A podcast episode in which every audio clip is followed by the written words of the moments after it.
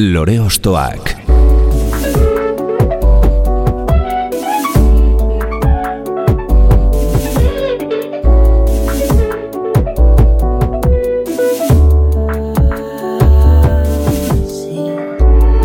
Ekain perezek aurkeztuta, gonbidatu bakoitza lore bat balitz bezala ostokatuko dugu.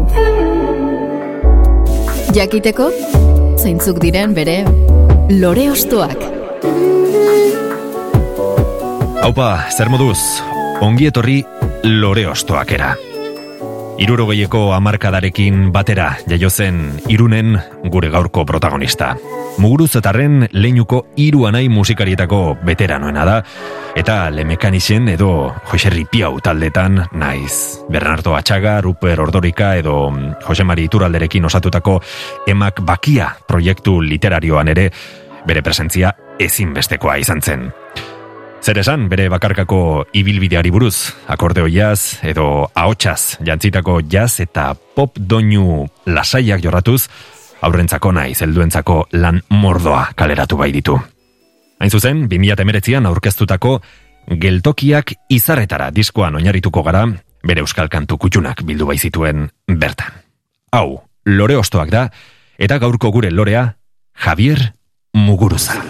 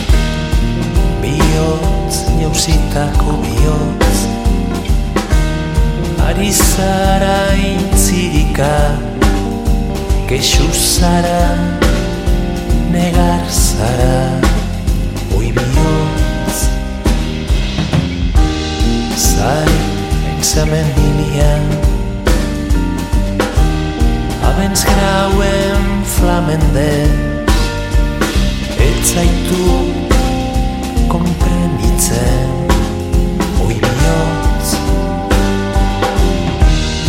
Gertot izen maizte Mundu zur linken du Niotz nahietz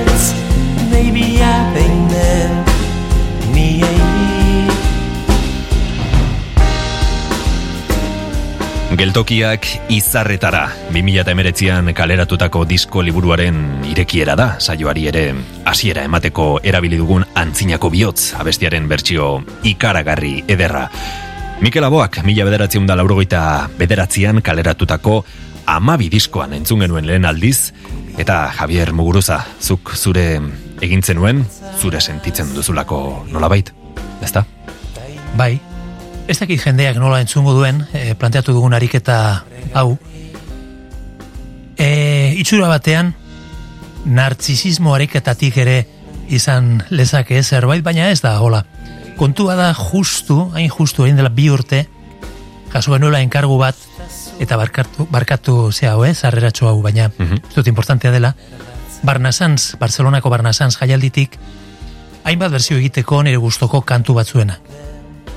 Eta iruturi zaidan zure proposamena jasotzeakoan, pentsatu jo, hau, nik uste dut e, primeran joan daitekela, ez? Ta hori dela eta ba, nik planteatu eta zuk onartu. Eta laboaren kantu hori buruz zer esan, e, bi kontutxo gutxienez aipatu behar, ez? Batetik harreman pertsonala, harreman ondia izan genuen, zenbat e, bazkari eta afari eta asteazuko lagunekin, zumetakin, tarteka, bere emaztearekin, jakina marisolekin, harreman personal hori eta gero harreman artistiko ere bai, ez? E, miresmena nik uste dute laboak bazuela zerbait e, artistikoki, ahotsari lotzen diot, batez ere, baina ez ahotsari bakarrik, barruan zerbait ukitzen zizuna, ez da? Eta, bai, emozioen mundu hortan gogoan dut esaterako 2006an gure aita berria, hil hil berria, markatu, hilberria zen, maiatzean, eta mm, Dylan eta laboren kontzertua. Zu gazteagoa zera, baina gogoan izango duzu. Bai, e, ondartzan, ez? Ondartzan, oiz. Zurriola ondartzan, donostian. Ba, eta nitzat oso unkigarria izan zen, ez? E, semiakin, bio joan ginen, eta laboa entzutea, eta arratzean, zerua, gogoan dut, eta bereziki kantu hau, ez? Bihotz, bustinezko bihotz. Oso unkituta egon nintzen, eta hortik eh, aukeraketa. Javier Muguruza, ongi etorri, lore ostoakera. Lore Ostoak. Diskoaz gain, Bernardo Atxagaren alfabetoa Muguruzaren diskoaren zat, e, delako aurki dezakegu. Zer da hori, zehatz mehatz? Bueno, hori izan zen, begira, e, festivalekoek bazuten interesa, konfiantza handia jarri zuten nigan, eskertzeko da hori, eta gero interesa bazuten kantuak primeran. Kantuak aukeratzea, eta keinu hori, ez, urte muga zen, hori garen urte muga festivalarena, eta orduan zabei berezia. Baina geho, bazuten ilusioa, jode, lortuko bazenu atxaga zerbait egitea, ze atxaga zalea gara, bueno, Bernardokin hitz egin, eta planteatu nion, eta baiezko eman zidan, eta alfabeto berezi bat, berezi esan nahi dut, nahiko alfabeto akrata egin zuelako, e, salto batzuk eman ez eta bar, ez e, orden alfabetiko bat jarraituta, baizik eta oso free, oso libre. Eta, bueno, hola dituzion, mugurez, muguruzari egindako alfabetoa ez, edo zerbait. E, bai, alfabetoa Muguruzaren diskoaren zat. Ah, bueno, en fin, ez da gauza bera, baina antzeko zerbait. Eta uste dut oso testu ederra idatzi zuela Bernardok beste binere. Mhm. Beraz, em, diskoa erosterakoan biak e, daude horrez. Bueno, liburu formatuan eta baita disko formatuan ere. Disko liburua da, ez? E, hor dago lan e, argazki pila ba daude testuak e, euskeraz, gazteleraz, katalanez, frantsesez, e, atxagaren testua nola ez? E, lau hizkuntza horietan, ingelesez ere badago. E, nik uste oso lan txukuna gelditu zela, eta, antolatzailek e, behintzat pozik gelditu ziren. Beno, bai, jarrai dezagun aurrera, zure Euskal Fonoteka pertsonalari segika, zein da zure urrengo proposamena? Bueno, horrengo proposamena da gariren kantu bat, gariren kantu bat nik oso gustoko dudana, zarra zara Bilbo. Gari niretzat da bai ertzainaken zegonean eta gero baita bakarlari moduan, asko miresten dudan e, egilea, asko miresten dudan artista. Nik e, badugu harreman e, pertsonal gertukoa, ere bai, eta iruditzen zait oso interesgarria bere bide artistik hori.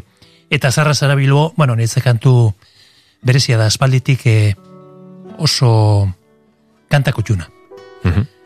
Jon Maia bertsolariarenak dira hitzak, ez du pentsatzen dut e, literaturarekin duzun harreman estua kontuan izan da, asko fijatuko zara, hitzetan ez?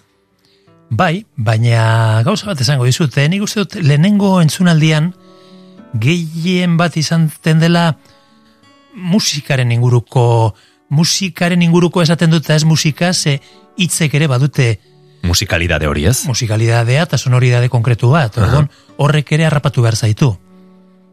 Eta gero izan daiteke letra bat edo hitzak oso gustokoak ez izatea, baina ja, hor egon da zerbait magiko xamarra ez, harrapatu zaituena, baina, bueno, hortaz gain, egia da gero gustatzen zaidala, testua jarraitzea, irakurtzea, eta egon daiteke hor bigarren e, gozatua ez. Eta handik denbora batera, ba, bueno, ez dakit nola esan, ja ezin duzu bereizi, ez? Bata bestearen gandik, ez? Beraz, hitzaren estetika eta gero e, esan nahia ez? E, Bai. Ikusten dituzu. Eta estetika hori, e, estetika ditzen diozuna, e, musikari lotuta. Nik hor ezaku berean sartuko nuke. Bai, Eta azken gero finean soinuak dira ez? Hori da, hori da. E, nik entzuten nionean e, gero aipatuko dugun beste egile bati Juan Carlos Perezi Bai. gaua gustatzen zain neri nahikoa neukan ja lehenengo entzunaldian horrekin eta berak auskatzen zuen moduan, ze, ez zuen horrela auskatzen. Baizik eta ez dakite gaizki egingo dut, baina gau eustan zain nahi. Ez dakit, nola egiten zuen. Bai. baina ederra zen berez. Orduan ja musikarekin bat egiten zuen eta hori sartzen zitzaizun, ez? Eta zer esan lehen aipatu dugun Mikel Aboarekin, baita Bai, ere ez, baita. joku onomatopeiko Bai. hoiek eta, bueno, eh, nola erabiltzen zuen hitzen sonoridadea askotan ezer esan gabe, beste batzuetan asko esan da, ez? Bai, Eh, bai, bai, bai. ere, eh, beste adibide bat izango litzateke. Bai, Gariren unibertsuan, murgiltzen zara kantu honekin, baino noski zure eremura eraman da. E, esango nuke zure musika entzutea, sutondoan jartzea bezala dela. E, suaren berotasun eta dantza hipnotiko moduko horren moduan e, lasaitasuna transmititzen duzula. Badu zure musikak, e, intentzioak eta soinuak goxotasun hori ez? Bueno, zaila da, ez? Norbere lanaz hitz egitea, baina hala iruditzen bazaizu, irudi polita irutu zain neri eta gustora gelditzen naiz. Primerako musikaria dituzu alboan, e, gainera, Mikel Azpiroz, Jamari Ekai, Mikel Artieda eta David Gomez, kasu honetan ez? Bai, nik uste la krem de la krem, ez? Nik uste dute aukera eman zigutela nahi genuen jendearekin kontatzeko eta oso baldintza honetan lan egin genuen, enkargo honetarako, eta orduan, bueno, ba, bajista bat bartzen nun, eta bajista, nire gustoko ez da bakarra, jakina, baina ikaragarri gustatzen zaidan bajista bat da Mikel Artieda. Ekai, ekai, besatzen nun ezinezko izango zela, baina gero askotan hitz egitea da, ez, jendearekin. Pauso hori ematea, ez, eta- Bai, eta baikin hitz egin, datak adostu eta lortu bere agenda ezinezko horretan tarte bat, eta eta grabatu, ekainekin. Ekainekin ez, ekairekin barkatu, ekain.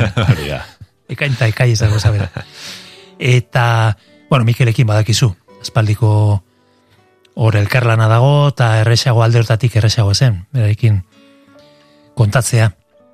Eta David Gomez, naiz eta Barcelonan aritu gehien bat, ba, Davidekin ere hogeiren bat urte, bai, e, lanean eta nire diskoetan jotzen, bateria jotzen da, nik uste bateri jole aparta, aparta.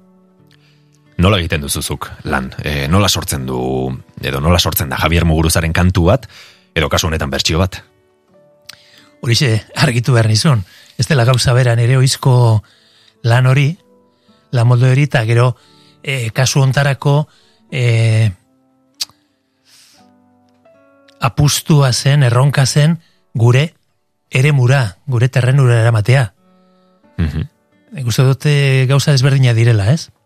Egina genuen ja, eh? hori lan hori e, Leonarkoenen omenaldian, adibidez, edo Jackson Brownenean, edo Julen Lekuonaren nean. E, baina, kasu honetan, karo, kantu guztiak ziren bertsioak. Eta hortan boru belarri sartu beharra zegoen, eta hortan saiatu ginen. Bestela galdetzen badia ere oizko lan egiteko modua eta izaten da testutik abiatu, ez beti, baina gehienetan, mila aldiz irakurri barneratu hori, eta ja pianoan jarrita. Eta gero e, musika dator.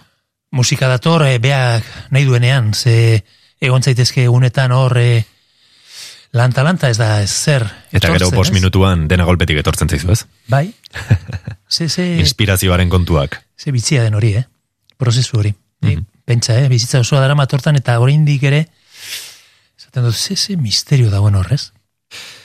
Entzun dezagun ba, Javier Muguruzaren geltokiak izarretara 2008ko lanetik. Garik, mila bederatziun da laurogeita mazazpian, eguzki berritan zaude diskoan aurkeztutako Zaharra Zara Bilbo abestiaren bertsioa.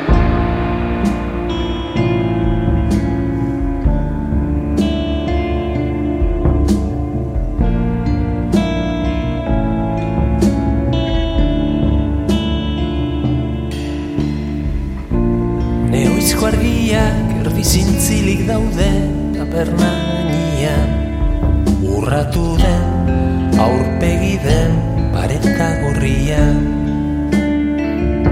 Zubia gora zutitzen ziren bormudekon zientzat Den euskalduna gaur palazioa ta biharko laino beltzak.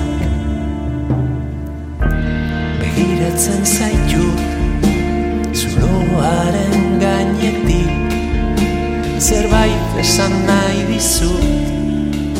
Zugan galdu aurretik. Zarra zara bilbo. Zarra zara bilbo. La vieja sartu da nervio hierri beran Oinak urbeltzetan loreak baineran Oinak urbeltzetan loreak baineran Oskortzen nauzuta ezin zaituteran Neoizko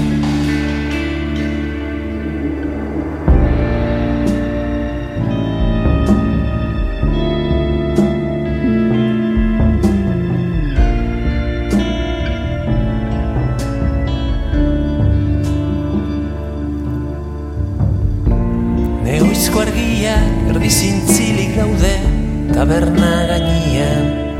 Egin nazazu zuria kantak dirauen artian Garritik heltzen ondoen dakien beso luzearen jabe.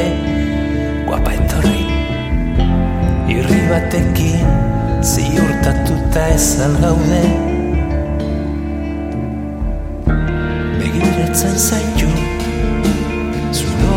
zuloaren gainetik Zerbait esan nahi dizut Zugan galdu aurretik Zarra zara bilbo. Zarra zara bilbo. La vieja sartu da nervio hierri beran Oinak urbeltzetan loreak baineran Oinak urbeltzetan loreak baineran Moskortzen nauzutan ezin zaitut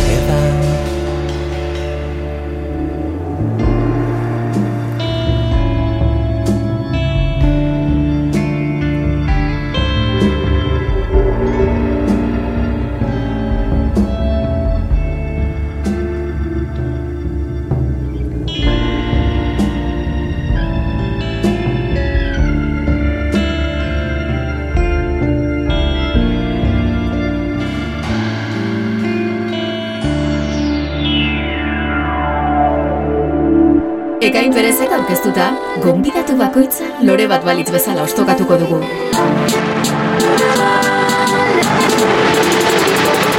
Lore ostoak.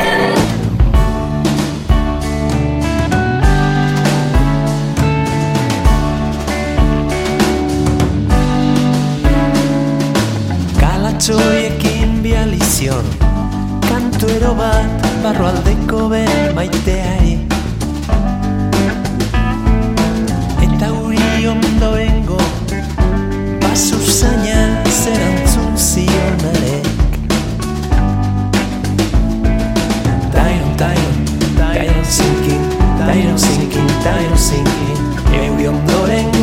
basu zaiuna Eta geosagu dazkena Aldean egoaizeaz Erantzun zionarek Egoaizeak mundua mugitzeik Moten Eta egon ezina sartu Zen kale parren ateak eta lehioa joka Eta egon ezina sartu Zen kale parrena kantuero berri baten eske. Tyron, Tyron, Tyron sinking, Tyron sinking, Tyron sinking Euri ondorengo baso zaiura. Eta geosago dazkena Aldean egoaizeaz Erantzun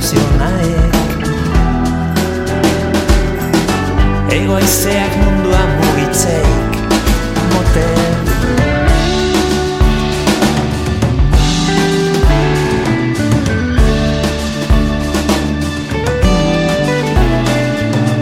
Kalatxoriekin bializion Kantuero bat barroaldeko ben maitean ipen.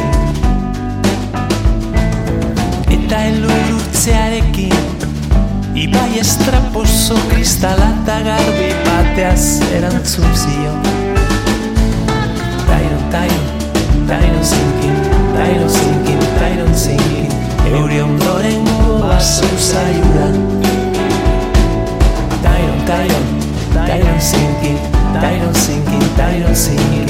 Euri ondoren baso zaiura Ze garrantzitsua den kantuetan fonetikaren kontua ez? Hitzek interesgarri eta polit sonatze hori.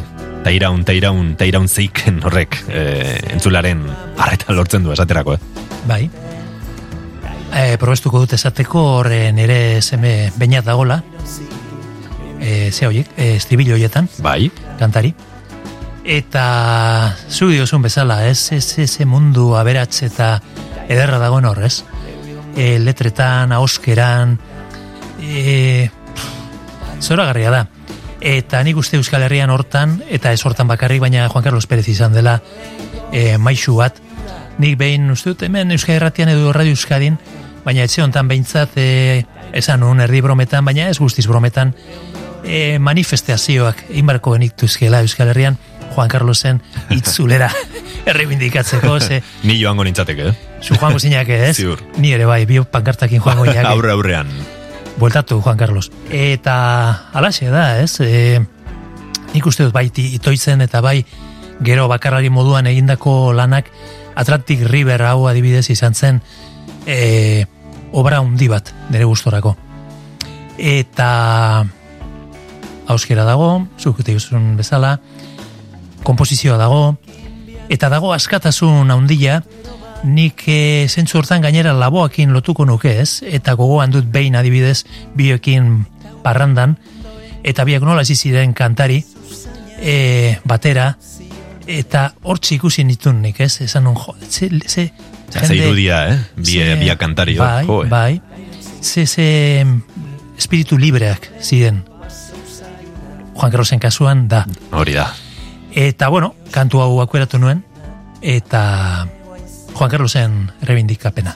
Bai, ze kantu asko aukera daitezke ez, baina bueno, eh, kantu honek badu zerbait ez, zuretzako Niretzat bai. berezia eta azpimarragarria. Bai, Geltokiak izarretara, Javier Muguruzaren bizitzako euskal kantu kutxunetan, e, biltzen dituen laneko beste bertsio bat da Juan Carlos Perezek, mila bederatzen da laurogeita amalauean kaleratutako Atlantic River, esan bezala, bakarlanean editatutako kantu eroa, itoiz talde erraldoian ezagutu genuen bera, eta gero bakarka ere lan ugari egindakoa da, ipatu dugun moduan, eta bere alboan beste eh, Jan Mari Ekai, ez? E, zurekin ibili dena, ze gitarrista puska eta Bai. ze tandema osatzen zuten, ez? E, Bai. Bi hauek besteen artean, noski. Bueno, alde hortatik polita izan zen, ez? E, kontatu alizatea jamarirekin, bertsio bat, bertsio hau egiteko konkretuki.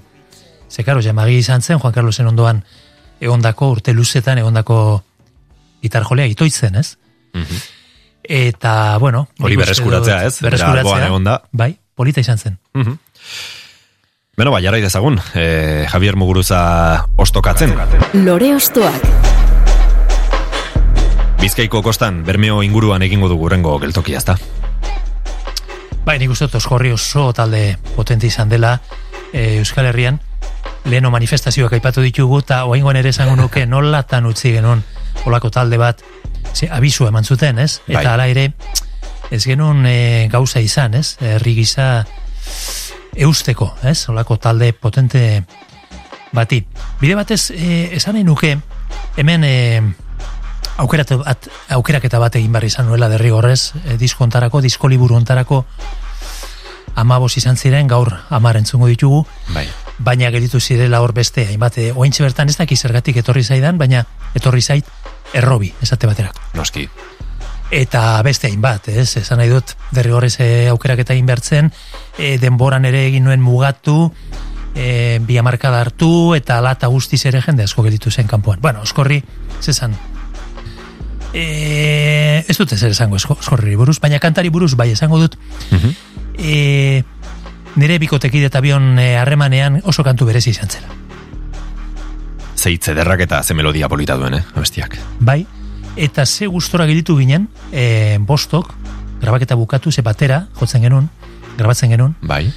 eta bukatu eta oiuak eta egon ziren. Nik Ah, batzen eh? naiz Mikel Artia da, ah, oiua egin eta David Perezena eta izan zen euforia puntxu bat, puntxuetako bat, izan zen kanta unen amaieran.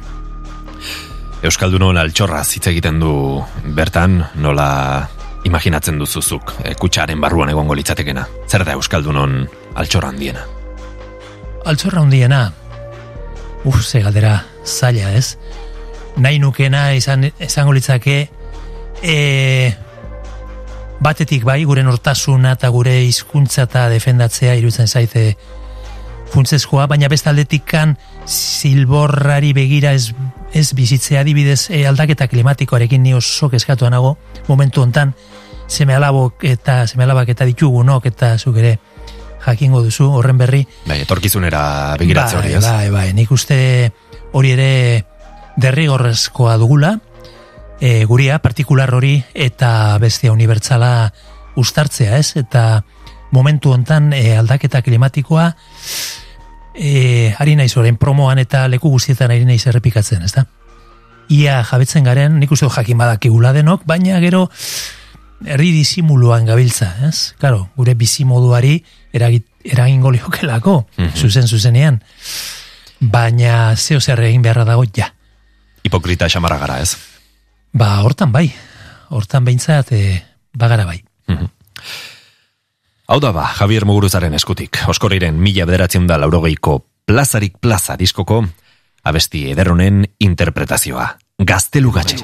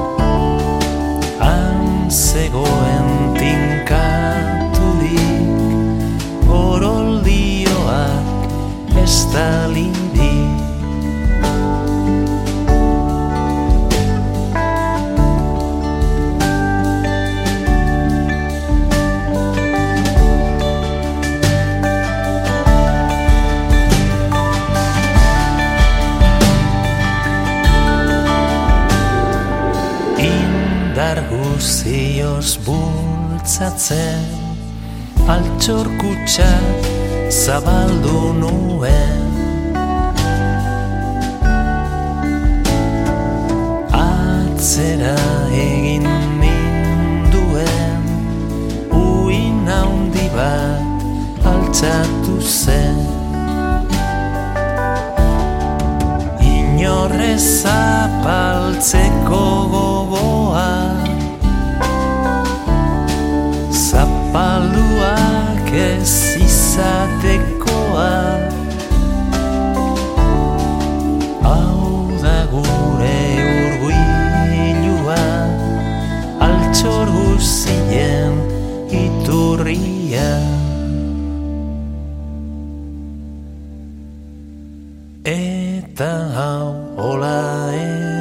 Pasan Sarna zatela kalabazan Ipuitxit barregarriak Kontatu nizki zuen plaza Ekain perezek aurkeztuta, gonbidatu bakoitza lore bat balitz bezala ostokatuko dugu. Lore ostoak.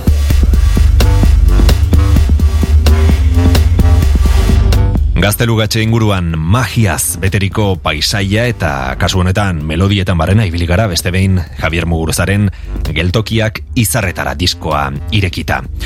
Eta horretan jarraituko dugu beste kantu eta artista bat goraipatu asmoz. Ba bai, e, lenguan, elkarrizketa batean esan nun, gu oindikan euskeraik e, jakin gabe, e, euskerazko talde batzuk eta barkar, bakarri batzuk eta entzuten genituela. Nera bezaroan eta etxean.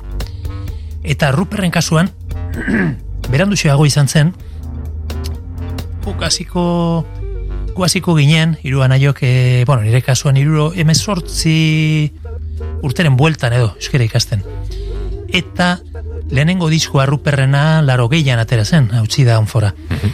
eta hori hasi nintzen ze gauza batzuk bueno, ondo, baina ninduten hainbeste motibatzen, ez dakit, mitologia eta esan nahi dute euskera ikasten ari ginela, ba, e, irakatzetako gauza batzuk, ondo, besterik gabe. Baina, Ruperren kaso nahi bezan, ostras, euskera zau egiten da? Edo atxaga, edo sarrien oatzen naiz, oakoak, eta nien naiz emengoa, eta azila irakurtzen, ja pixka bat bainikien, eta laguntza, jakina, irakasaren laguntzakin, eta ostras, hemen gauza potenteak, modernoak daude. Ruper eh, aldi hartan importante izan zen niretzat, eta gerostik beti izan dut horre referente bat bezala, uste dut oso lan serio induela, oso lan zorrotza, eta izan dela artista, eta dela artista hundi bat, ez? Euskal Herrian duguna. Eta kantu horren aukerak eta ez dakit, ba, e, beste askoren artean, ba, hori gustoko nuen, gero asteazuko lagunak hor tartean ziren, e, agote eta atxaga eta bakitorre letran ibili zirela eta besterik gabe, hori aukeratu nun. Mhm. E, itzak dena den, e, okeraz banago, e, atzarikoak dira ez, Hans Magnus Enzensberger edo, bueno, ez dakit ba, ondo, esan dudan, edo bai, alemaniararenak, ez? Ez da, erresa. Bai, baina, bueno, e, e, agote eta aipatu ditu danean, e, gero moldaketa. Hori da, euskerako bersiora moldaketa hori, ez? Hori da, eta nik uste oso ondo egina, ez? Mm gizonekin ezin da inolako estaturik jaso, dio edo diozu, bertan, ados daude? Bai, bai, bai, neri e, iruditzen zait, e, e, bueno, beti ere saiatu behar dugula, saiatu beharra dagola, gauzako betzen, eta hori baina kontuan harturik, abia puntua dela giza kondizioa, eta gaur igual gizona, ez igual gizaki esango genuke, edo bai. beste modu batera, eta Ruperrik berak esaten zian, e, dela gutxi irunen esaten zian, bueno, igual gizonekin orain ez denuk esango, eta, bueno, en fin. Ez litzak ez zuzenena izango, ez? Hori da. Besta aldetikan, politiko gizuzenak ez bagara, horrek ere badu bere xarman iretzat. Mhm. En fin, esan nahi dudana da, abia puntua dela, zer garen, ez? Eta ez gara, e, ez dakit, munduko, ez dakit, ez gara marabillosuak e, gizaki oso mugatua da, eta nik uste dut horri, hori jakin beharra dagola eta sumitu beharra dagola. Ez konformista bihurtzeko eta esateko ezin da ez zer egin, ez ez saiatu behar dugu gauzako betzen dudik gabe, baina hori jakin da, eta gizonekin edo gizakiekin marabilarik ezin da lortu. Mm Baina saiatuko gara, meintzatez? Bai. Beno, basaiatuko gara horretan eta baita ere e, Ruper Ordorikaren laurogeita bosteko bihotzerreak diskoko musikan eta Enzes Bergerren hitzetan oinarrituta Javier Muguruzak e, abestutako bertsio hau entzuten berreziketaren zailtasunari buruz. Munduaren salvazioa hilala bizikoa denian barbero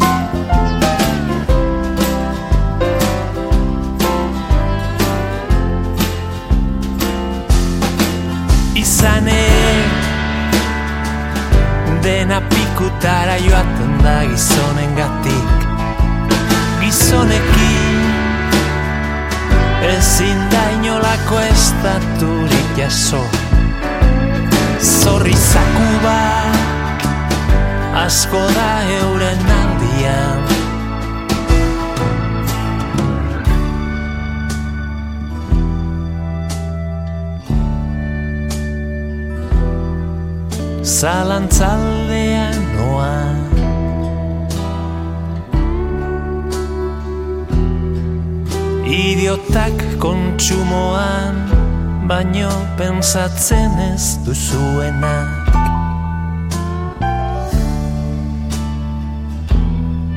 Iraganaren kondarrak. Ez dauela denak akatzeri alegia. Ez zine unero ibili gauzak esaten Ene gizonik ez baleo. Orduan bai bautxak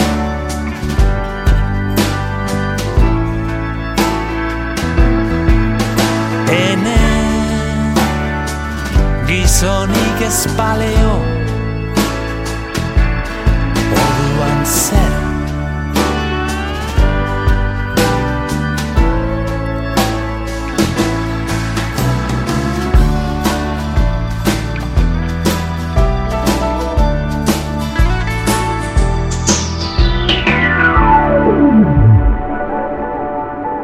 Lore Ostoak.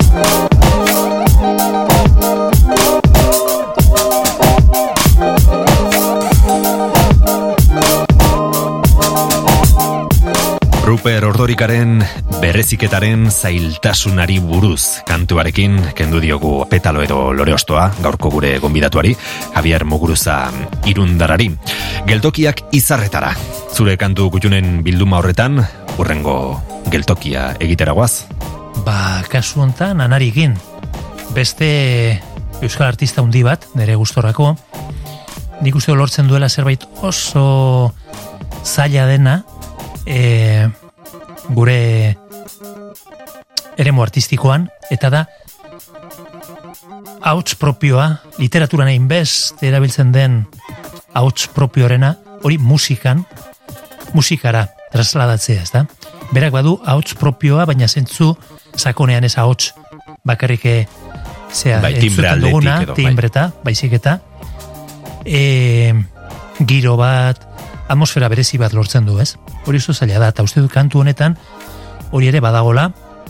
Jo, politia izan zen, ze, zenbait egilerekin, izketan aritu nintzen, bukatutakoan, eta ber iritzia, eta anariren kasuan, polita zen ariketa hori ez, e, orain kontraste hori ba, garai hartan, hitza idatzi zuenean, orain ari, berak, bere ahotan ez, entzutea, bueno, xikate, ispiluan begiratzea, Mhm. bere, aurpe, bere burua, eta ariketa interesgarria izan zela, ez, berarentzat.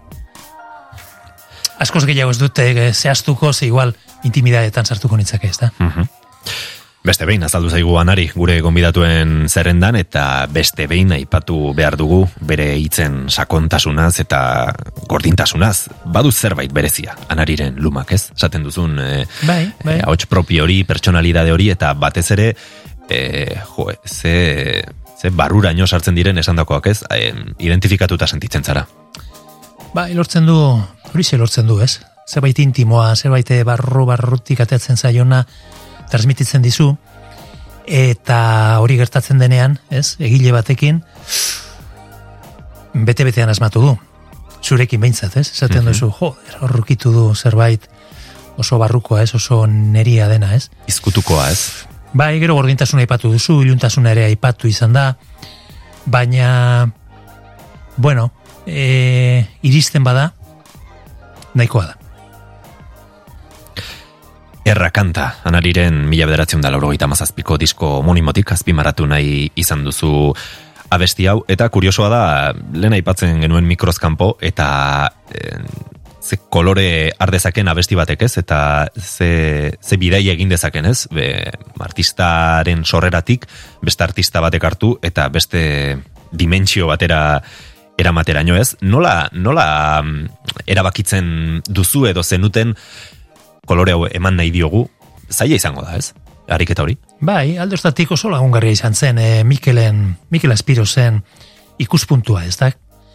Urte asko dira, elkarlanean hasi ginenetik, eta orduan berak ondo ezagutzen du, barrutik ezagutzen du, nire lana, nire enfokia, nire giroa saiatzen naizen, giro intimista hori, eta barru barrutik ezagutzen du, orduan oso lagungarria izan zen.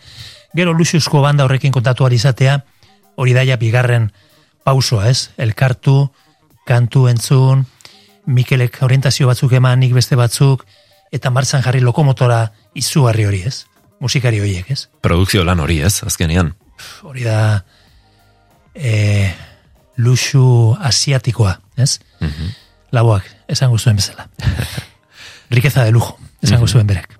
Bai, ze azken finean beste musikari batzuekin, e, seguruenik beste maitza bat lortuko zenuen, ez? Naiz eta ideia bat izan, edo em, norabide bat izan, askotan Bai. eskuek e, ematen diote baita ere azken forma hori, ez? Bai, ekairen paleta esaterako, ez? Ekairen paleta izugarria da. Ordon, zuk erreferente bat eman, eta joaten da zabaltzen paleta hori, ez? Mhm. E, eta musikalki lortu daitezke horre maitza ederrak. Ekai esan dut, baina gainerako egin gauza bera da. Eta mm, bertsioi buruzari garela, ekain, esango dizut nere ustez zentzurik baldin badu berzio bat egitea, edo iteak, e, hori hori dela zure terrenura eramatea. Hori lortzen baduzu, badu, izan du, zentzurik. Bestela errepikatzeko egintzena, nik uste dut ez duela zentzu ondirik, ez? Nik hori, nire esperientziatik hori, hori atera dut, eta hortan saiatzen naiz, ez? Bertsioak egiterakoan, izan daitezela, e, iaia Javier Muguruzaren kantu bat. Naiz eta beste doinu eta beste letra eduki ez. Hau da, Javier Muguruzaren urrengo lore ostoa. Erra kanta. Ahaztu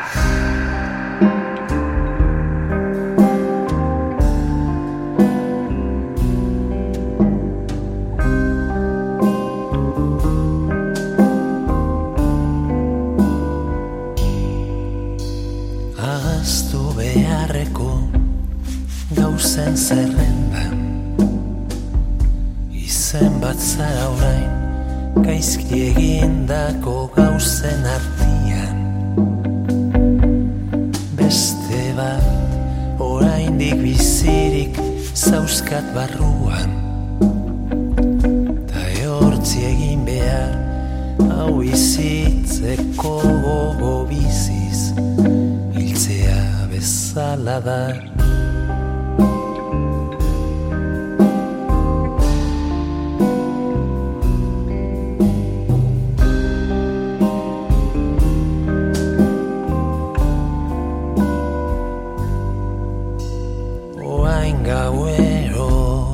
Sentitzen naiz zure ausentziaz. Zuta zaritzen zait zure gogoekin larrua joe. Behin baino gehiotan Ta hemendik aurrera ez ezagun bat zara. Ta naiz eta zure fotua beti zan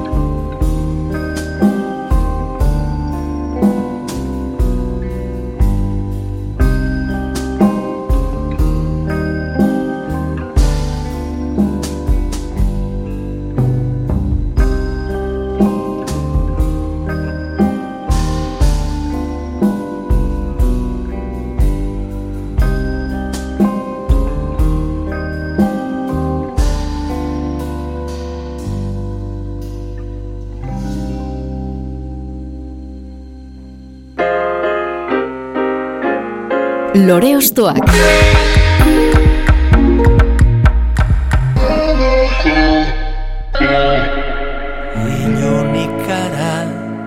Azken argia Usatu dizu rutira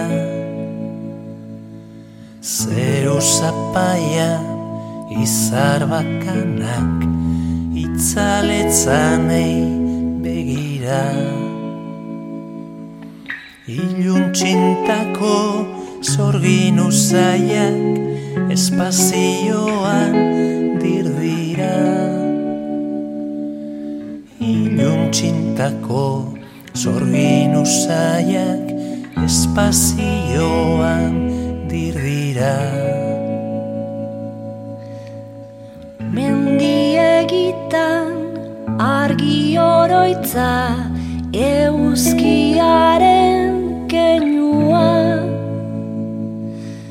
Baso beltzean osto firfira gauezkoen erreinua. Itxasondoko tamarindotan olatuen errainua. Itxasondoko tamarindotan olatuen errainua Itxasturiak txio-txioka Aratonata aizetan Berde argien edertasuna Moren moteldu zuretan. Txalupa geldi kulunkarien Isladarekin izketan Txalupa geldi kulunkarien Isladarekin izketan Parke isileko banku txuria Ezpain beroen lankide Antxizarrak zantzu berritan Biotz gordinen senide. Tristura egan paseatzen da Arratxaren solaskide. Tristura egan paseatzen da arratxaren solaskide Gau ezkilaren oi hartzu notxa irristatzen da kolkoan. Zirrara mutu baten gizara maitearen soinekoan.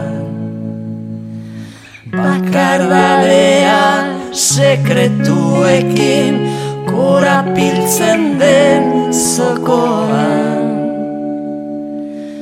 Bakardadea sekretuekin korapiltzen den zokoan. Itxasaideak gesalez dakar murmuriozko solasa Suspiriotan ezin jarioz pena lurrinduen atxa. Aize boladak txikordatzen du maite minduen jolasa. Aize boladak txikordatzen du maite minduen jolasa Iun Nikarak, Imanolen mila bederatzen da laurogeita seiko mea kulparik ez lanetik hartu zuen Javier Muguruzak geltokiak izarretara diskorako. Gainera, napoka iria, bikoa osatzen zuten parteideak, entzun daitezke bertan ez, miren arbaiza, hau eta Ander Mujika gitararekin, bata maiz moduan ezagutzen duguna gaur egun, eta bestea anariren gitarra jole moduan, edo testura taldean ere ari dena. Bai, bai, bai. Nik eh, napoka idea ja fitzatuan eukan, baina gero oi hartzu erbartek, Jose Angel Arbelaitzek, Aha. jarri gintun eh, harremanetan, eh, Imanolen inguruko omenaldi baterako, eta hain zuzen kantu hau eskaini genuen, ez? Gero aparte, beraiek egin zuten beria eta nik neria.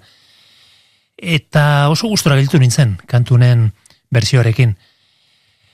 E, esan beharra dago ordurako Ander e, fitxatu nuela nire 2000 garren urtean argitaratutako zeran, e, leio bat zabalik, diskorako, izan zen nire gitarrista, eta, bueno, gerora hau izan da, ez, iruron arteko kolaborazioa. Uste dut, e, Ander oso gitarrista fina dela, lortzen ditula giro oso bereziak, da musikari bat. Ez da bakarrik gitarra jotzen dakien Gustua, bat, baizik eta gustu asko du.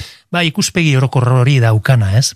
Ni oso gustora gitu nintzen, bai leio bat zabalik, diskoarekin, gero irurun arteko, eta uste dut, e, mirenen kasuan, oso ondo dagola e, landuta, e, bigarren, bueno, bigarren hautsa ez, biok, horre, abesten biok batera abesten duguna, Bai. eta oso libre jokatzen dula, ez? Zenbait momentutan iruditzen zaite, ateratzen dela horre em, bigarren ahots klasiko horretatik, eta libre jokatzen dula, eta hori oso eskertzekoa da, irugarrenez, elkarrizketa hontan edo sola saldi hontan, e, aipatu dudanez. e, Imanol, Imanol, bueno, e, Imanol laro garren amarkadan, eta gero agore bai, bere soinu jolea izan nintzen, gauza asko ikustea tokatu zitzaidan, e, letekin bezala, eta beste hainbat musikarikin bezala, rock munduko talde batzuekin ere bai, kortatu, zarama eta bar, ibili nintzen kolab- kolaboratzaile gisa, ez? Eta Imanolen kasuan ikuste dute lan oso interesgarria egin zuela, jazz musikari batzuez inguratu zela, garai hartan, ja lehenengo diskoetan, eh? ez ni sartu nintzenean, lehenengo, lehen, lehenagotik ere bai, Carlos Jimenezekin, e, Michel Ongaron, eta bar. Eta uste dute oso ekarpen interesgarria egin ziola euskal musikari, eta zenbaitetan ba ez ginela guztiz justuak izan, ez? Esango nuke bere ekarpen horrekin. Horrekin uste dute nahikoa dela kantua bai, e, alderdi sentimentaletik egituko nuke gure aita zenak ikaragarri maite zuela kantu hau, eta askotan etxean, eta askotan abesten zuela. Eta hor geratu zitzaizun, ez? Eh, Bai. Barruan, lotuta. Bai, bai, bai. Mhm. Mikel Arregi, poeta Nafarraren hitzak dira kantu honetan, irakur edo entzun daitezkenak poesia, mm, digitalizazioaren eta kontsumo azkararen gizarte honetan e, espaziorik gabe geratzen ari denaren sentsazioa baduzu? Edo ez? Bueno, honik eska desente ditut, baina esperantza ere bai, mitzaropena badut. Uste dute poesia ipatu duzu eta poesiari lotuta daude leno ere aipatu dugun barruko mundua, arima, deitu, espiritua ditu nahi duzun bezala, pertsona religioso izan edo ez, eh? aratago doana. Bai. Eta hori galtzen badugu, akabo, guria. Hori ere dator leno ipatu dugu giza kondizioa, giza kondizio horren barruan sartzen da ez bakarri gure mugak eta ipatu ditudan alderdi negatiboak, ez ez gure kontu aberatz eta zoragarriak eta hor pak horretan nik uste sartzen dela deitu espiritualtasuna deitu alderdi poetikoa sakona, emozionala nahi duzun bezala eta erreakzioren bat egongo da. E, badago, ego, ja, ematen ari da. Eta batzuk hortan gabiltza, karo, gertatzen dena da, errealitateari e, ezin diozula bizkar eman eta oso baldintzatuta gaudela, baina mm, borroka hortan ere bai. Nik sartuko nuke lan hau, esaterako diskoliburu hau, e, borroka horren barruan. Lore ostoak. Konta iguzu, Javier, zein da zure urrengo proposamena? Bueno, e, ez da toroso urrutitik urrengo proposamena, horre lizentzia bat e, permititu nion ere buruari, nola nintzen arduraduna, lanarena, enkargoarena, pentsatu nun, bueno, Barnasans jaialdia da kantagintzaren jaialdia, eta da Festival de la Canción de Autor. Baina pentsatu nun, bueno, hor sartu diren batzuk, bai, kantautorea dira, baina kantautore operoa, rokeroa denetik dago, ez, zaku hortan. Orduan zergatik ez lizentzia, bueno, beste lizentzia bat ere, emanio nire buruari eta esan zen ere kantu sartzea, mazizio den bele izenekoa, ezin izan nintzen erreprimitu, baina kasu hontan izan zen e, anaien kantu bat, ez da?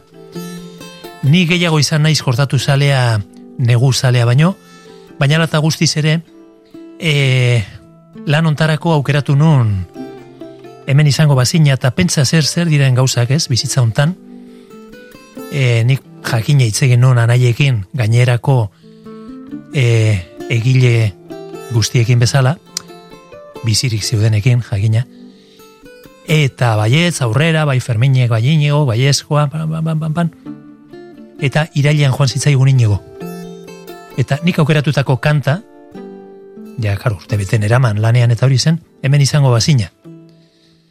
Orduan, zuzeneko orkezpenak egin genituen, e, Bartzelonan, eta, bueno, ja, disko atera zen, disko liburu atera zen, hemen izango bazina kantarekin, mm diskoa dedikatua inigo paradizu zineman ikusiko gara, baitia, dedikatorio horreken atera zen, diskoa, zera mana, hemen izango bazina kantua, zan nahi dut, mm ze gauzak, ez? Eta zuzenean, kompromisoa barnazan jaialderekin bide batez esango dizut zen, disko liburua publikatzea hau, orain arte ez dizut esan. Bai. Eta aurkezpena egin barnazan jaialdean nola ez, mm egin genuen teatro batean, han, Juventud teatroan, e, Barcelonan, hospitaleten, eta hemen egitea Bilbon beste bat. Gertatu zen, diskoa publikatu, Barcelonako egin txiripas justu justuan, eta ja urrengo zeharako ja pandemia etorri eta kau. Dena golpetik etorri zen. Bai, orduan bilbokoa bertan bera, atzeratu egin zen, eta azkenean egin alizan genuen, gero interesatu ziren irunen, eman genuen, eta antze, estenatokian hemen izango bazina, ez? Nola diren gauzak, eh? Nola diren gauzak, ez? E, Arrigarri izan zen, fuerte izan zen. Pentsatzen dut aukeratutako kantu guztiak, e, noski, garrantzitsuak direla, baino honek baduela beste e, puntu ba, e, pertsonalagoa, ez? E, azken bai. finean negu horriak e, zure anaiek osatutako talde izan zen. Bai. Nola bizi izan zenuen, e, zu anaia zarrena izanik, Inigo eta Fermin iraultza eta euskal gizartearen fenomeno sozial eta musikal itzela izan zen negu gorriak sortzen ikustea. Zer sentitu zenuen? E, bueno, arrotasuna sentitu nun, batez ere kortaturen garaietan eta oso gertutik bizitu nun, leherketa, ze benetako Bai. leherketa izan zen, ez beraiena bakarrik, baina karo guretxean, batez ere beraiena. Noski. Lehenengo disko atera eta izan zen, bueno, ez naiz goratzen ja, e, berrogeita mar mila ale saldu edo izan zen izugarria. Eta ibiltzen ginen, gurasoak ere bai, e, herri zerri, eta joaten ginen. Izan zen zerbait, e, undila, gero kolaborazioak egiten hasi nintzen beraiekin, azkeneko bira egin nun, azkeneko e, kontzertu bira egin nuen beraiekin. E, bos pasei kantu jotzen dituen, eskusoinuakin. Mhm. Bueno, ondila izan zen, eta negurena ere, bai, gertatzen dena da, gero hor ja nik uste dut, e, bueno, e, letren aldetik eta beste estilo bateko letra ziren, enintzen sentitzen nahi identifikatuan, ez kortatu zen oso askea, Bai. Leno aipatu dut e, laboren kasuan, Juan Carlosen kasuan, eta askatasun hori, ez? Negoren kasuan nik enuen horrela bizitzen. Uste beste bide bat hartu zutela, zilegia Bai. izan zena, bakoitzak hartzen du bere zea, autu artistikoak, eta, bueno, hola bizitu genuen, ez da? Gertutik, oso gertutik. Entzun dezagun ba, Javier Muguruzaren jaioterrira irunera bidaiatuta, borreroak baditu milaka aurpegi, negu gorriakek, edo bere bianaiek sortutako hemen izango bazina, abestiaren moldaketa.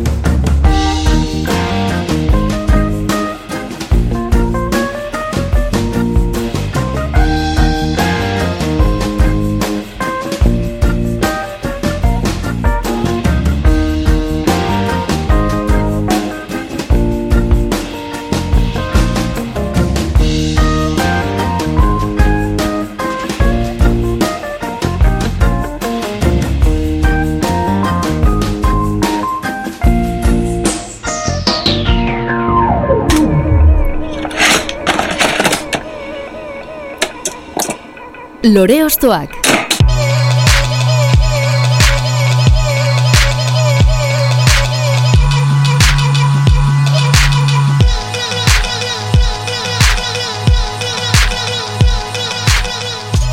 Negu gorriaken arima bereskuratu dugu Javier Muguruza eta konpainaren moldaketarekin eta geltokiak izarretara diskoko abestiak entzuten ari garen honetan izarren sorreraraino eramango gaituzu hurrengo proposamenarekin nola baita, ezta? Bai, izarren hautsa kantu oso ezaguna, bi bertsio ezagun daude, ezagunena Mikel Aborena, baina kasu honetan aukeratu nun, e, bueno, nire omen alditxo pertsona la partikularra egite aldera, ba Xabier Letek abesten zuena, ez? Nizan itzen leteren soinu jolea, leno ipatu dut imanolena, eta leteren ere bai, eta uste dut testua dela itzela. Ikaragarria. Eta berzio ere antxonek egin zuena musika aldetik, naiz eta hain ezaguna ez izan, hori egiten genuen guk, zuzenean, jakinean, niretzat noski. oso gertukoa da, eta uste dut ederra dela zinez. E, zer esan, denok ezagutzen dugu e, testu hori, poema haundi hori, eta, bueno, ari naiz konturatzen begira aurrera egin ala, e, solasaldi hontan eta kantuz kantu goazelarik, ari naiz konturatzen gehien gehiena direla oso gertuko pertsonak, ez? E, zenideak aipatu ditugu, baina leten niretzat izan zen, jode, iparraldean kontzertu bat eman eta biokotxean itxofer e, kilometro horiek derrepentean, karo, gaixorik ordurako, gelditu behar, e, botak esan nahi dut, Bizipen asko, ez? bizipen asko oso gertukoak eh, bai, ez? Eta, bueno, zu oiartzuarra eta oiartzun ari da ateratzen, eh? gure amatzi ere oiartzuarra zen, bai, ba, badago horre, oiartzuenen Bai, alaba- presentzia hemen eta zurekin. alaba oiartzunen bizi da, alaba eta bere familia, e, oiartzun ari da etengabe ateratzen. Mhm, Poste naiz. Ez aterri berezia da. Berezia niretzat. Mhm.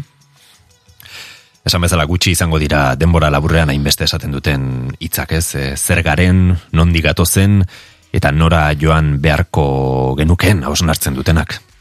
Kostatu zitzaigun pixkat, eh? E, lanak izan genituen e, kantu honekin naiz eta leno esan dugun, ze talde, ze luxuzko musikariak eta hola, baina hemen tonu hori topatzea, buelta desente eman genizkion, eta azkenian hemen ere egontzen alako euforia kolektibo bat e, bukatu, eta esan, bai, hau nahi genuen. Lortu dugu, ez? Bai, goatzen naiz eh, David Gomezen gaina saiatu genuen mantentzen grabaketa, baina arazo teknikoak egon ziren, ta, baina oiua zen entzutekoa.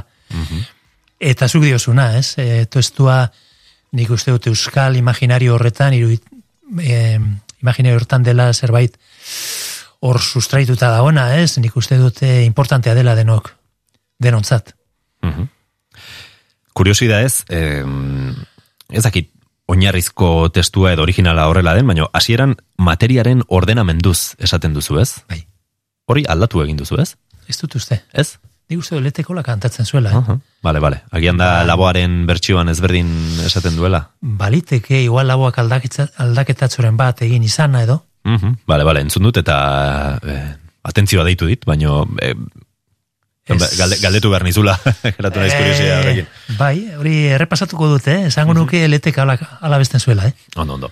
Beno, ba, entzun dezagun, e, leteren kantua, e, Antxon Balberderen musikarekin, gaurkoan, Javier Muguruzaren bertsioan entzungo dugu, geltokiak izarretara diskotik, hau da, izarren hautsa.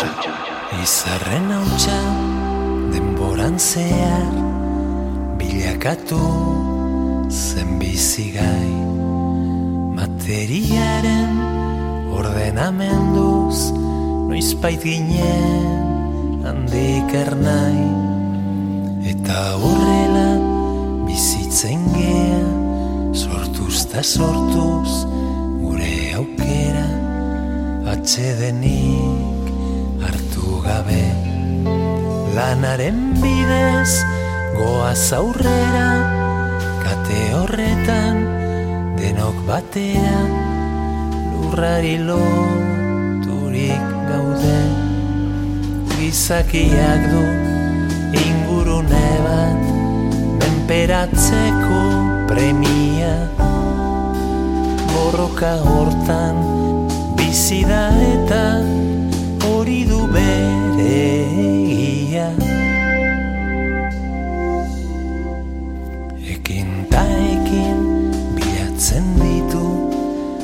Zaiatze hortan ezin gelditu Araua eta argia Bide berriak nekez aurkitu Bizilegeak minez erditu Hortan jokatuz bizia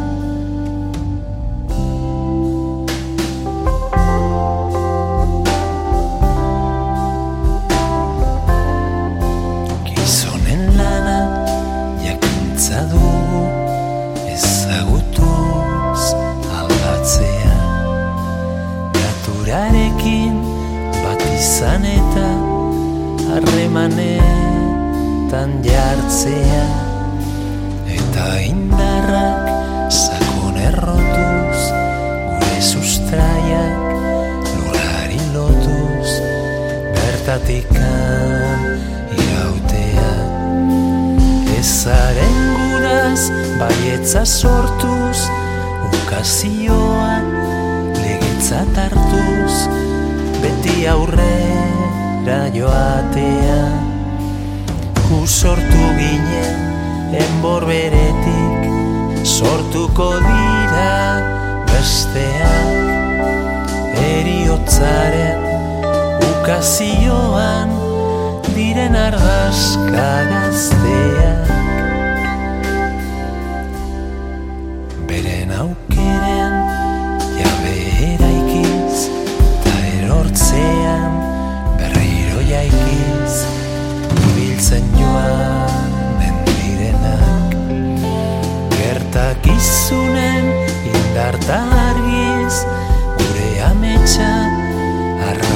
garbiz egiztatu kodutenak eta ametsa zilegiztatuz egiaren antziduri. Herrizar batek bide berritik ekingo dio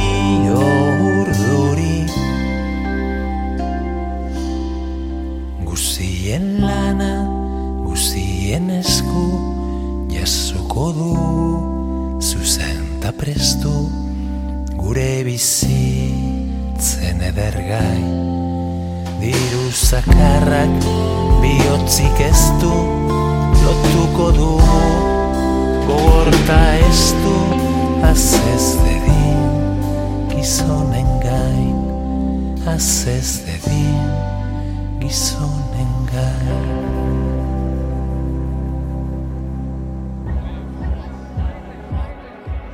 Lore Ostoak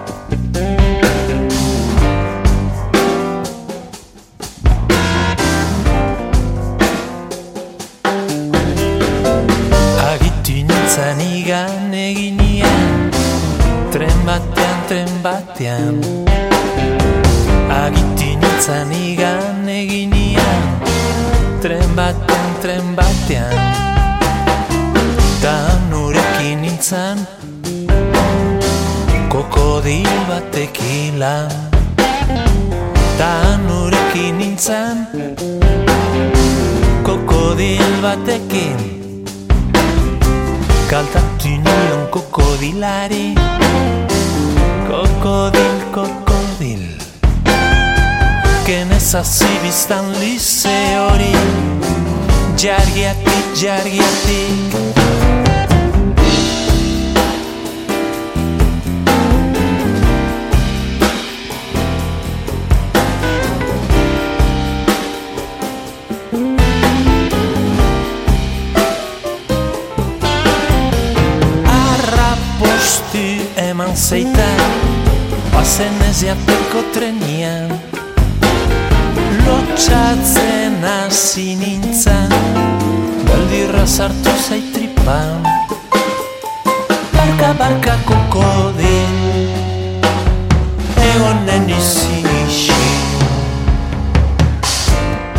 Saioaren amaierara iristen ari gara, bukatzeko azken lore osto moduan Niko Etxarten eh, krokodil abestiaren zure bertsioa ekarri diguzu, mila bederatzen da lauro iruko tumatxa diskotik hartuta. Haze fenomenoa, Niko Etxart, ere ez? Haze fenomenoa. Gaurko sola zeldian, eh, askatasuna ateatzen ari da. Zakitzea, mm zenbat aldiz, eta hori da, ez? Nietza da, bestikuru bat askatasunarena, Niko eh, askatasun artistikoarena, ez? Bai. Eh, orain askatasunaz enbeste txorak erintzuten ari gara.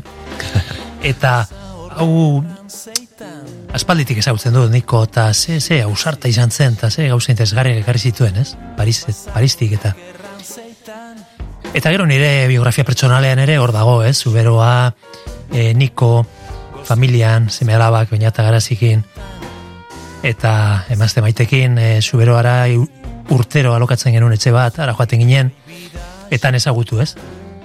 Niko eta bere etxera joan, estudioan, anaritu, kafi hartu, e, alderdi sentimentala beste bain ere, ez?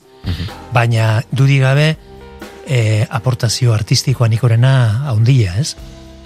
Eta iparraldeko beste hainbatena, baina Bai, errobi aipatu zuen ere. Bai, pentsa, Mhm. errobi, importantea, ez? Baina, bueno, bai. Bueno. Eh, Aukerta egin behar eta Niko sartu zen. Mhm. Eta Niko bluser hori, ez? Denok, bueno, asko eta asko ba benetan maitatu duguna, ez? izan genuen aukera noski, hemen ostokatzeko baita ere, eta aipatu genuen, e, ze garantzitsua izan zen, bere irudia rock and rolla Euskal Herrira ekartzeko, eta gure herriaren evoluzio e, musikal horren zati garrantzitsu izateko, ez? E, bluesarekin e, eta rock and rollarekin, noski. Oso potente izan da, oso potente izan da. Nere pena ba, baina eta xeari, osea, beste hainbat, ez? E, Noski. ez hartu izana, baina zinezkoa zen. Ezin dira denak hartu ez. Baina, bueno, enaiz alperrik ez gara irundarrak eta ezagutzen dugu, ez? Mhm. E, mundu hori. Euskaldunok nik uste dut ezagutu beharra daukaguna, e, iparraldean hainbat eta hainbat gauza eder egin dira. Badago muga bat agian ez, e, bai Ba. e, fisikoa, e, bueno, e, estatuen artekoa, baina kulturalki ere baditugu muga horiek ez, edo ezberdintasun Bai, horiek. bai, bai, esaten denean orain ez dagoela mugarik eta hori hori txiste bada. Mhm. Muga handia dago. Beno, eta muga kaipatuta, bertsio eta kantu propioen muga horretan, zuk ere e, bien aldean egoten zara, biak ondo ezagutzen dituzu, hemen ikusi dugun moduan, eta zure azken lanak, dodoa izena du, aurrentzako eginiko diskoa, ez? Konta iguzu pixka bat, e, nondik eta nola suertatu da lan hau. Bueno, hor faktore desberdinak egon dira, ez? E, egon da inigoren eriotza, papateko eriotza, hor egon da pandemia, ziurritea, hor egon dira faktore batzuk pertsonalak esan nahi dut. Ze normalian hor izaten dira, e, beti faktore artistiko eta egiten dugu, normala den bezala, ez gara bihurtuko hola eta aldizkari horietako zeak protagonistak, baina hor egoten dira faktore pertsonalak. Eta halako batean, e, laro bederatzean lehenengo diskoa, e, hogeita mar urteko ibilbidea, bi urtean behin edo diskoa publikatu, ibili, leku guztietan ibili, Euskal Herrian, Katalunian, batez ere bi hoietan, baina gero beste mila lekutan, furgoneta, neke puntu bat ere bai, asko aldatzen ari da, gure lanbidea, elkarrizketa askotan entzungo zenidan, Bai. honezkero, hori esaten, eta neke puntu bat ere bai, eta bestaletikan asko maite dudala, ez, aur musika eta aur literatura, aur literaturan ere ez dakizen bat lan ditudan, ez, publikatuak, eta e, bueno, ba, hortze, hortze nago, ez dut esan nahi hori izango denik, Baina, bueno, erbeste moduko hortan nago orain, ez? E, komposatzen umentzako bosgarre lana da, dodo hau, ze umentzako lanekin estrenatu nintzen, ez? Lehen lana ala izan zen ez? Bai, jaja. aurrentzako- Mhm. Beste garaiak ziren, e, orain zailago ikusten dut, e, panorama lehia handiago ikusten dut, eta beste terreno batean lehiatu beharra gainera, Mhm. ez artistikoan bakarrik, eta ena izain jaioa hor terreno horietan, baina bueno, saiatzen gera. Dodoa izan da Iñaki, Iñaki ez, Iñaki astizekin, Iñaki irazukin iaz oker publikatu genuen, eta aurten gure dodoa da Inigo astizena eta biona, ez? Mhm. Hemen ere e, leno ipatu ditugun maixoiek daude, Mikel Aspiros, Jamagiekai, eta gero dago Mikel Arantzegi, eta ni bezarila, kantari, nirekin batera. E, bueno, nik uste maila undiko musikalki, maila undiko lana dela, gure dodo hau, dodoak duda du, duda egiten duen dodo hau nik uste maila hondiko lana dela, letrak e, izugarri politia dira, Itz joko horrekin ez, lehen aipatzen genuen sonoridade Ba. eta hori guztia hor e, entzun daiteke ez.